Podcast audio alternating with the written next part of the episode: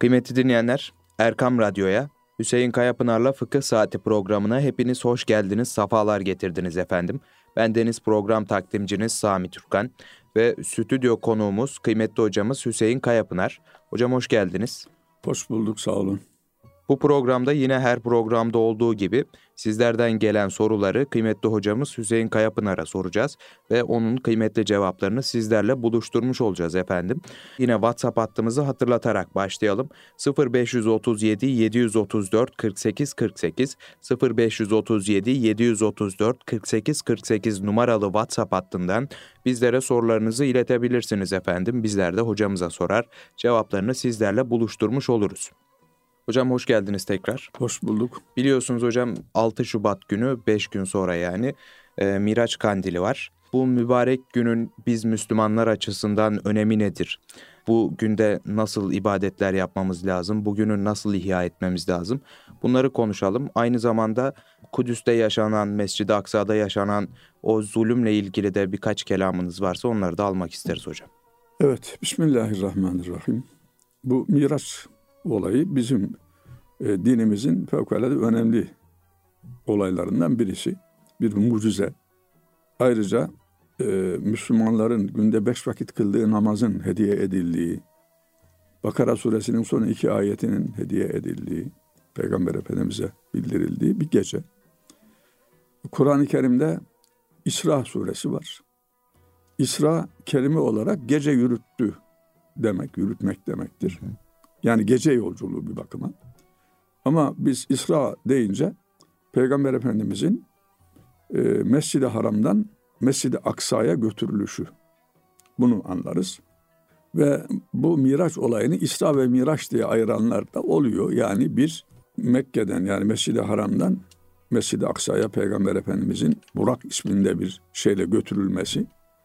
Bir de Mescid-i Aksa'da semalara çıkıp Cenab-ı Hakk'a yaklaşmaz. Şimdi bu önemli bir olay. Ne zaman oluyor bu? İşte hicretten bir buçuk sene kadar önce Recep ayının 27. gecesi oluyor. Efendimiz Aleyhisselatü Vesselam o Kur'an-ı Kerim'de anlatılanın yanı sıra Peygamber Efendimizin de aktardığı olaydır bu. Yani öyle bir hikaye değil, basal değil, hakikattır. Zaten işte geceleyin kulunu Mescid-i Haram'dan alıp Mescid-i Aksa'ya götüren etrafını mübarek kıldığımız diye başlayan kısım Kur'an-ı Kerim ayetiyle sabittir. Dolayısıyla onun inkara hiç mahal yoktur. Ha. Efendimiz işte bir rivayete göre Kabe-i Muazzama'nın kenarında bir rivayete göre Ümmü Hani'nin evinden alınıyor. Hı hı. Burak isminde bir binite bineye bindiriliyor ve Mescid-i Aksa'ya geliyor. Mescid-i Aksa Kudüs-ü Şerif'teki efendim bu şu anda e, Kıbleteyn Mescidi var veya işte Kubbetu Sahra dediğimiz camiler var. O bulunan alan. Hı hı. Oraya getiriliyor. Efendimiz Aleyhisselatü Vesselam orada buraya kadar ayet-i kerime. Bundan sonra hadis-i şerif anlatıyor. Peygamber Efendimiz orada diğer peygamberlere imamlık yaparak namaz kıldırıyor ve oradan gökyüzüne çıkartılıyor ve çıkartılırken yukarıya doğru her bir gökyüzü tabakasında yedi kat sema diyoruz ya.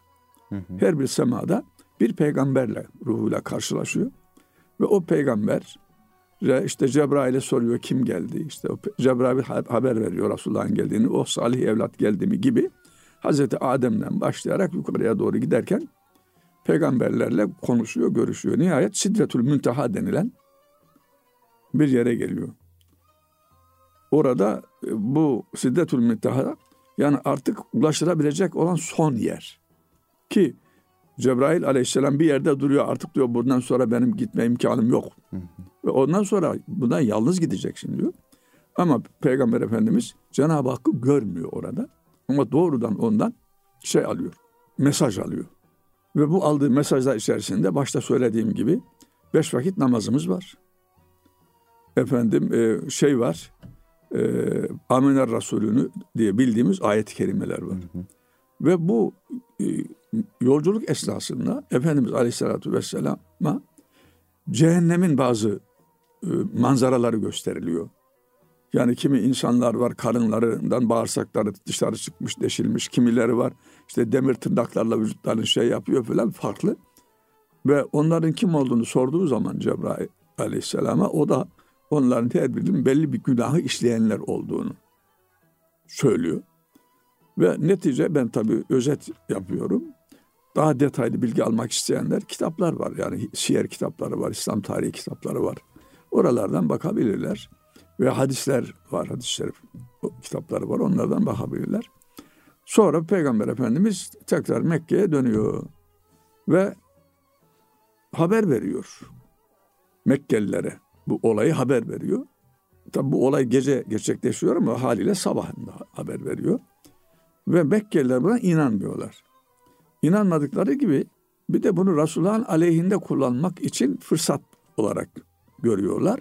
Ve işte şuna bak geceleyin buradan ta Mescid-i Aksa'ya gittiğini, efendim orada efendim e, şey yaptığını, gökyüzüne çıktığını iddia ediyor. Buna da mı inanacaksınız diye. Mesela Hazreti Ebu Bekir'e bunu söylüyorlar. Hazreti Ebu Bekir diyor ki bunu o mu söylüyor? Evet o söylüyor diyorlar. Ben ondan daha ötesine inandım. Onun o göklerden haber getirdiğini söylüyor. Onu da inandım. O söylediyse doğrudur. Bundan dolayı da Hazreti Ebu Bekir'e Sıddık lakabı veriliyor. Ebu Bekir'in Sıddık diyoruz ya. Evet. Yani büyük halifelerin şeyleri var. E mesela Ömerül Adil diyoruz Hazreti Ömer için. Ha, şimdi Osman Zinnureyn diyoruz Hazreti Osman için. Ali Seyfullah diyoruz Hazreti Ali için. Şimdi şeyde Hazreti Ebu o kabul ediyor. Hı hı. Müşrikler diyorlar ki peki diyorlar madem sen oralara gittiğini söylüyorsun. Bizim Şam tarafından kervanımız geliyor. Kervan ticaret kafilesi. Yani o gün işte e, develere yüklenmiş bir kafile halinde gidip geliyorlar. Çünkü tek başına veya birkaç kişi gittiği zaman çölde yağmalama, öldürülme, yolların kesilme ihtimalleri var. O yüzden işte e, korumaları da olan, muhafızları da olan e, kafileler halinde gidip geliyorlar. Bunlara kervan deniyor. Bizim ticaret kervanımız geliyor. Nerede onlar şimdi? Cenab-ı Hak o kervanı peygamberimize gösteriyor. Ve o hemen sanki bir film seyreder gibi doğrudan doğruya film değil tabi direkt görüyor onu. İşte bak falan yerde kervanınız. En önde şöyle bir deve var. İşte yarın şu vakitte buraya gelecek diye haber veriyor. Ve gerçekten de insanlar o dediği vakitte Peygamber Efendimizin bekliyorlar. Ee, ki onların beklemekteki amacı Müslüman olmayanların peygamberi yalancı çıkarmak. Ama tam dediği şekilde dediği manzarayla karşı karşıya kalınca ona da inanmıyorlar. Sonra e, ben biraz önce atladım orayı belki. Peygamber Efendimiz daha önce hiç Kudüs'e gitmemiş. Mescid-i Aksa'yı görmemiş. Ve oraya gidenler var müşrikler içerisinde. Diyorlar ki sen adam oraya gittiğini söylüyorsun. E, anlat bize nasıl bir yermiş orası. Ve aynı şekilde Peygamber Efendimiz tek tek orada ne varsa ne yaptıysa anlatıyor. Ve bu da tam orayı bilenlerin bilgisine uygun. Yani bu bir mucizedir. Mucizedir. Ve peygamberler mucize gösterirler. Ve bu mucize dediğimiz zaman bu e, harikul ade denir eski tabirle. Şimdi olağanüstü deniyor. Yani normal e, adetin normal işleyişi yırtıp geçen harikul ade o anlama geliyor. Bir olay yani akılla çözülemez. Evet. Ki sadece bizim peygamberimize değil, diğer peygamberlerde de bu olmuştur. Hazreti İbrahim ateşte yanmamış. Hazreti Musa'nın elindeki asalar yılan ejderha haline gelmiş. Hazreti İsa körlerini gözünü açmış, ölüleri diriltmiş. Yani başka peygamberlerin de var. Bizim peygamber efendimizin de mucizeleri var. Bu mucizeler içerisinde en e, önemlisi ve en kalıcısı Kur'an-ı Kerim'dir. Kıyamete kadar o mucize devam ediyor. Onun dışında Miraç gibi, Şakku Kamer gibi veya işte kütüğün inlemesi gibi mucizeleri de vardır. Bu miras bunların içerisinde en önemlilerinden birisidir. Peki şimdi Kudüs'ün, Mescid-i Haram'ın bizim için önemine. Hı hı. Bir defa Kur'an-ı Kerim diyor ki barak ne havlehu diyor. Mescid-i Haram'ı anlatırken etrafını mübarek kıldığımız. Mescid-i Aksa. Mescid-i Aksa Mescid-i Haram'dan Mescid-i Aksa'ya gidiyor. Onun etrafını mübarek kıldığımız ayet-i kerimede var. E şimdi bu bizim için fevkalade önemlidir. Bir yer mübarekse önemlidir. Sonra Peygamber Efendimizin hadisleri var o Mescid-i e, Aksa ile ilgili olarak. Mesela diyor ki e, üç caminin dışında, üç mescit dışında herhangi bir yere ibadet için yolculuk yapılmaz. La tüşettür rihal illa li telati mesacide diye başlayan bir hadis-i şeriftir bu. Yani üç caminin, üç mescidin dışında herhangi bir camiye ibadet amacıyla yolculuk yapılmaz. Bunlar bir, Mescid-i Haram. İki, Mescid-i Nebevi, Medine'deki. Üç, Mescid-i Aksa. Ha. Sonra yine Peygamberimiz buyuruyor ki, e, sizden biriniz eğer imkan bulursa gidip Mescid-i Aksa'da namaz kılsın. Eğer bu imkanı bulamıyorsa kandilinde yakılmak üzere yağ göndersin. Oradaki kandillerde yakılmak üzere yağ göndersin.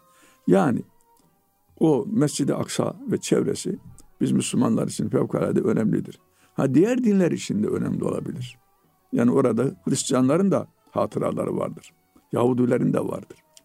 Ama bu hatıraların oluşu oradaki insanlara zulmetmeyi gerektirmez. Nitekim Müslümanlar orada asırlar boyu yani Hazreti Ömer zamanında Mescid-i Aksa yani Kudüs fethedildi ve ne zamana kadar bu Müslümanların hakimiyetinde kaldı? Arada bir iki yüz, bir iki asır Haçların eline geçti ama daha sonra 1900'lü yılların sonlarına kadar hı hı. hatta baş, başlarına kadar Müslümanların hakimiyetinde kaldı ve orada hem Hristiyanlar hem Yahudiler hem Müslümanlar huzur içerisinde, sulh içerisinde yaşadılar. Hatta şu anlayış Hazreti Ömer Kudüs'e geldiği zaman o Kudüs'teki patrik veya papaz Kıyamet Kilisesi, kilisesi var Kudüs'te. Kıyamet Kilisesi. Hala şu anda orası tabi e, şey olmuştur. Restorasyon geçirmiştir ama hala orası e, Hristiyanlar tarafından e, kutsal kabul edilen, ziyaret edilen bir yer. Haliyle oraya Mescid-i efendim, Kudüs'e giden bizler de oraları gördük. Ha, orada namaz kılması teklif ediliyor Hazreti Ömer'e oranın papazı tarafından Hazreti Ömer reddediyor. Diyor ki hayır eğer ben burada namaz kılarsam o takdirde benden sonra Müslümanlar burada namaz kılmak isterler ve kilisenizi camiye çevirirler. Böyle bir anlayış, böyle bir hoşgörü. Evet. Ama şimdi ne yapıyor insanlar? Yani kendileri kendilerinden başka bir canlı bırakmayacaklar. Yani oradaki insanları tükettikleri gibi neredeyse her türlü canlıyı tüketecekler. Böyle bir zulüm, böyle bir gaddarlık, eşi benzeri görülmemiş. Kadın, çocuk, yaşlı, genç ayırmadan topyekun bir soykırıma giden bir faaliyet ve maalesef e, bu olaya karşı İslam alemi uyuyor. İşte bizim milletimiz hariç bir iki tane belki var. Evet. Dünya uyuyor. Dünya seyrediyor. Hatta daha da acısı dünyada birçok ülkesi onlara destek çıkıyor silah veriyor. Efendim siyaset alanında onlara destek çıkıyor. Acınılacak bir hareket, üzülünecek bir hareket. İnşallah Cenab-ı Hak en kısa zamanda e, bu oradaki Müslüman kardeşlerimizi o zulümlerden kurtarır. Amin inşallah hocam. Bu İsra hadisesi Kur'an'da geçiyor. Miraç hadisesi hadislerde geçiyor dediniz. Evet. O zaman buradan şunu çıkarmamız gerekiyor. İsra hadisesini reddeden kişi dinden çıkmış olur. Doğru mu? Öyle deniyor. Evet. Kur'an'daki bir haberi, bilgiyi bir kimse inkar ediyorsa dinden çıkar evet. Eyvallah hocam. Hocam kişinin yemin kefareti olarak fakir doyuracak durumu varken oruç tutması uygun mudur? Şimdi bazı kefaretlerde muhayyerlikler olabilir. Yani istersen şunu yaparsın, istersen bunu yaparsın hı hı. gibi. Ama oruç kefaretinde ve yemin kefaretinde hatta işte katil kefaretinde, zahar kefaretinde bu sırayladır. Yani Kur'an-ı Kerim'de anlatılan şekliyledir. Nedir o anlatılan şekil? Mesela yeminle ilgili olarak köle azat etmek bir. On fakiri doyurmak sabahlı akşamlı. İki. Veya burada muhayyerlik var. Veya on fakiri giydirmek. Burada demek ki köle azadıyla fakir doyurma ve giydirme peşi peşine geliyor. Hı hı. Ha üçüncü sırada oruç var. Yani çünkü orada ne oluyor? Ee, fakir doyurmaya gücü yetmeyenler üç gün peşi peşine oruç tutarlar. Dolayısıyla eğer kişi varlıklıysa, e, fakir doyurmaya imkanı müsaitse, o oruç tutmakla kefaret ödenmiş olmaz. Ne yapacaktır o? Fakir doyuracaktır. 10 tane fakiri sabahla akşam doyuracak. Veya bir fakire 10 gün sabah akşam şey verecek. Yemek verecek ve her bir gün için bir fakire bir fitre miktarı verecek. Buna gücü yetmezse, maddi durumu el vermiyorsa o zaman üç gün oruç tutacak. Yani maddi durumu el verdiği halde oruç tutarak kefaret ödenmez yeminde. Eyvallah. Tabi diğerlerde de aynıdır.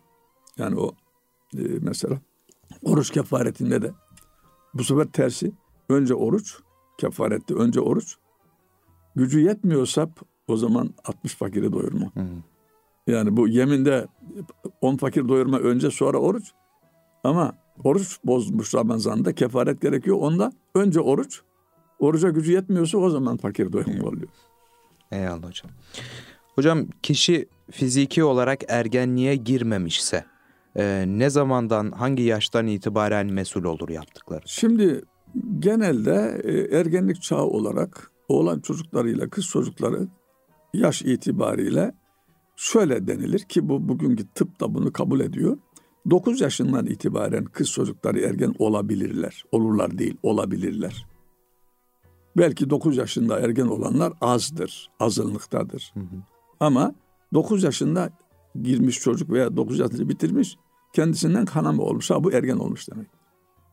Bu 10'da olabilir, 11'de olabilir, 12'de olabilir, 13'te. Erkek çocukları ise 12 yaş. Tabi bu fiziki olarak ergen olma bellidir.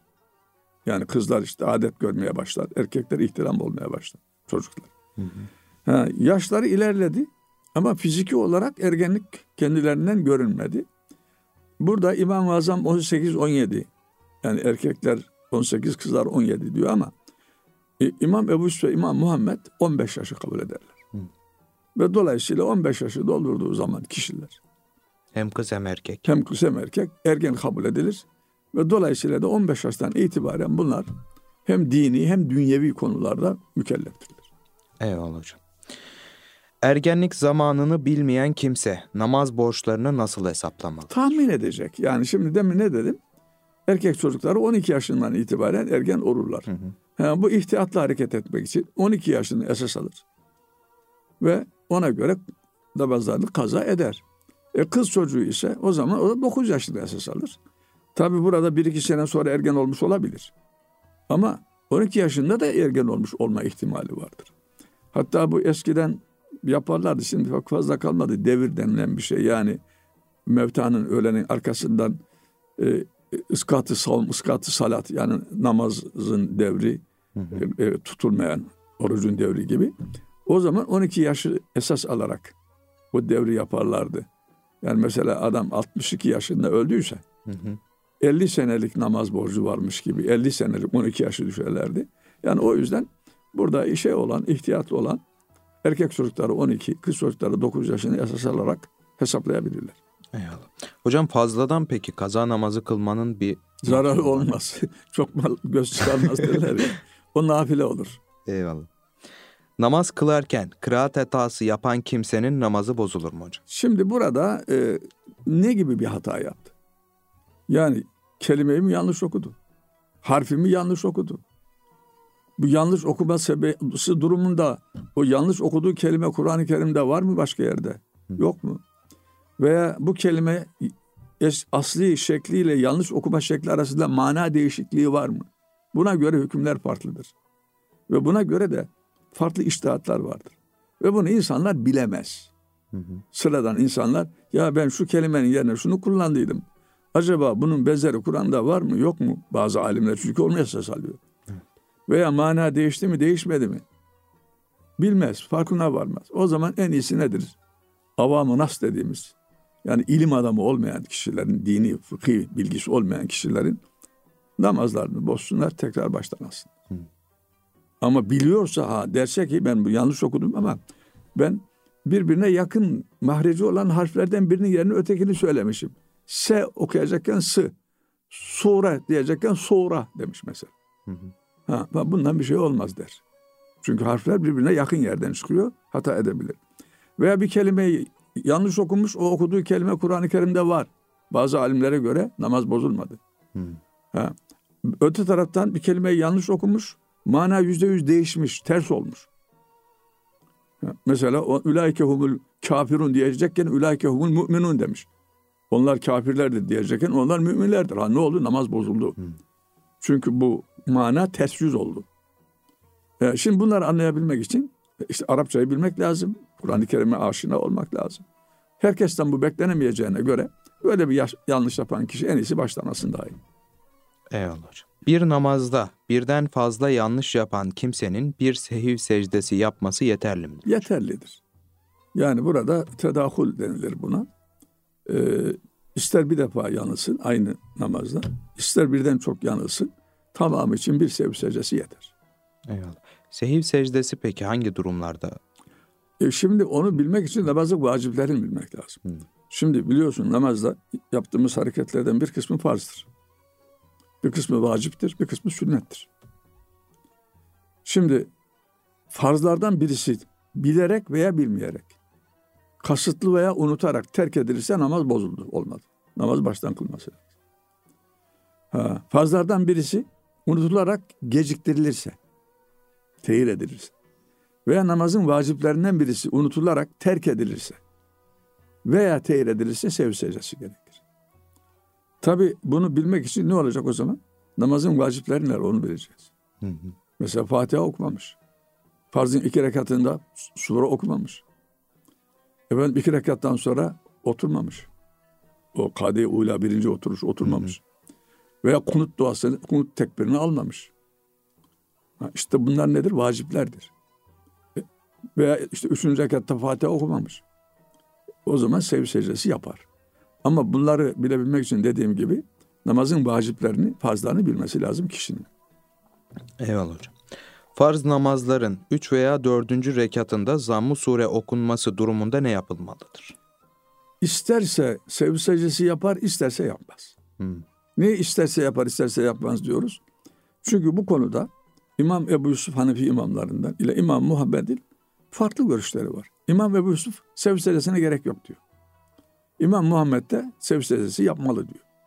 E, dolayısıyla bunun ikisi de büyük alim, müştehit. E, bunlardan herhangi birisine uyabiliriz. E, ama daha çok genelde İmam Ebu Yusuf'un görüşü göre fetva verilmekte. Yani sev secdesi yapmasına gerek yok. Yaparsa da zararı yok. Hmm. Eyvallah hocam. Yoğun bakımda kalan kimse, yoğun bakımda kaldığı zamanın namazlarını kaza etmesi gerekir mi hocam? Şimdi yoğun bakımda ne kadar kaldı? Kaç gün kaldı? Ve yoğun bakımdayken aklı başında mı idi? Eğer aklı başında değilse ve bu yoğun bakımdaki kaldığı süre 24 saatten fazla ise bu namazları kaza etmesine gerek yok. Hı. Aklı başında değil aklı başında hasta ve yoğun bakımda yatıyor ama namaz kılamıyor. İyileşirse kaza eder. İyileşmeden vefat ederse yapacağı bir şey yok zaten. Eyvallah Yolculuk gibi zor koşullarda abdest alırken çorabın üzerine mes edilebilir mi hocam? Çorap üzerine mes konusu e, yolculuk veya oluşuna veya olmasına bağlı değil. Çorap üzerine mes yapılabilir mi yapılamaz mı? yapılabilirse hangi çorap, nasıl bir çorap üzerine mes yapılabilir?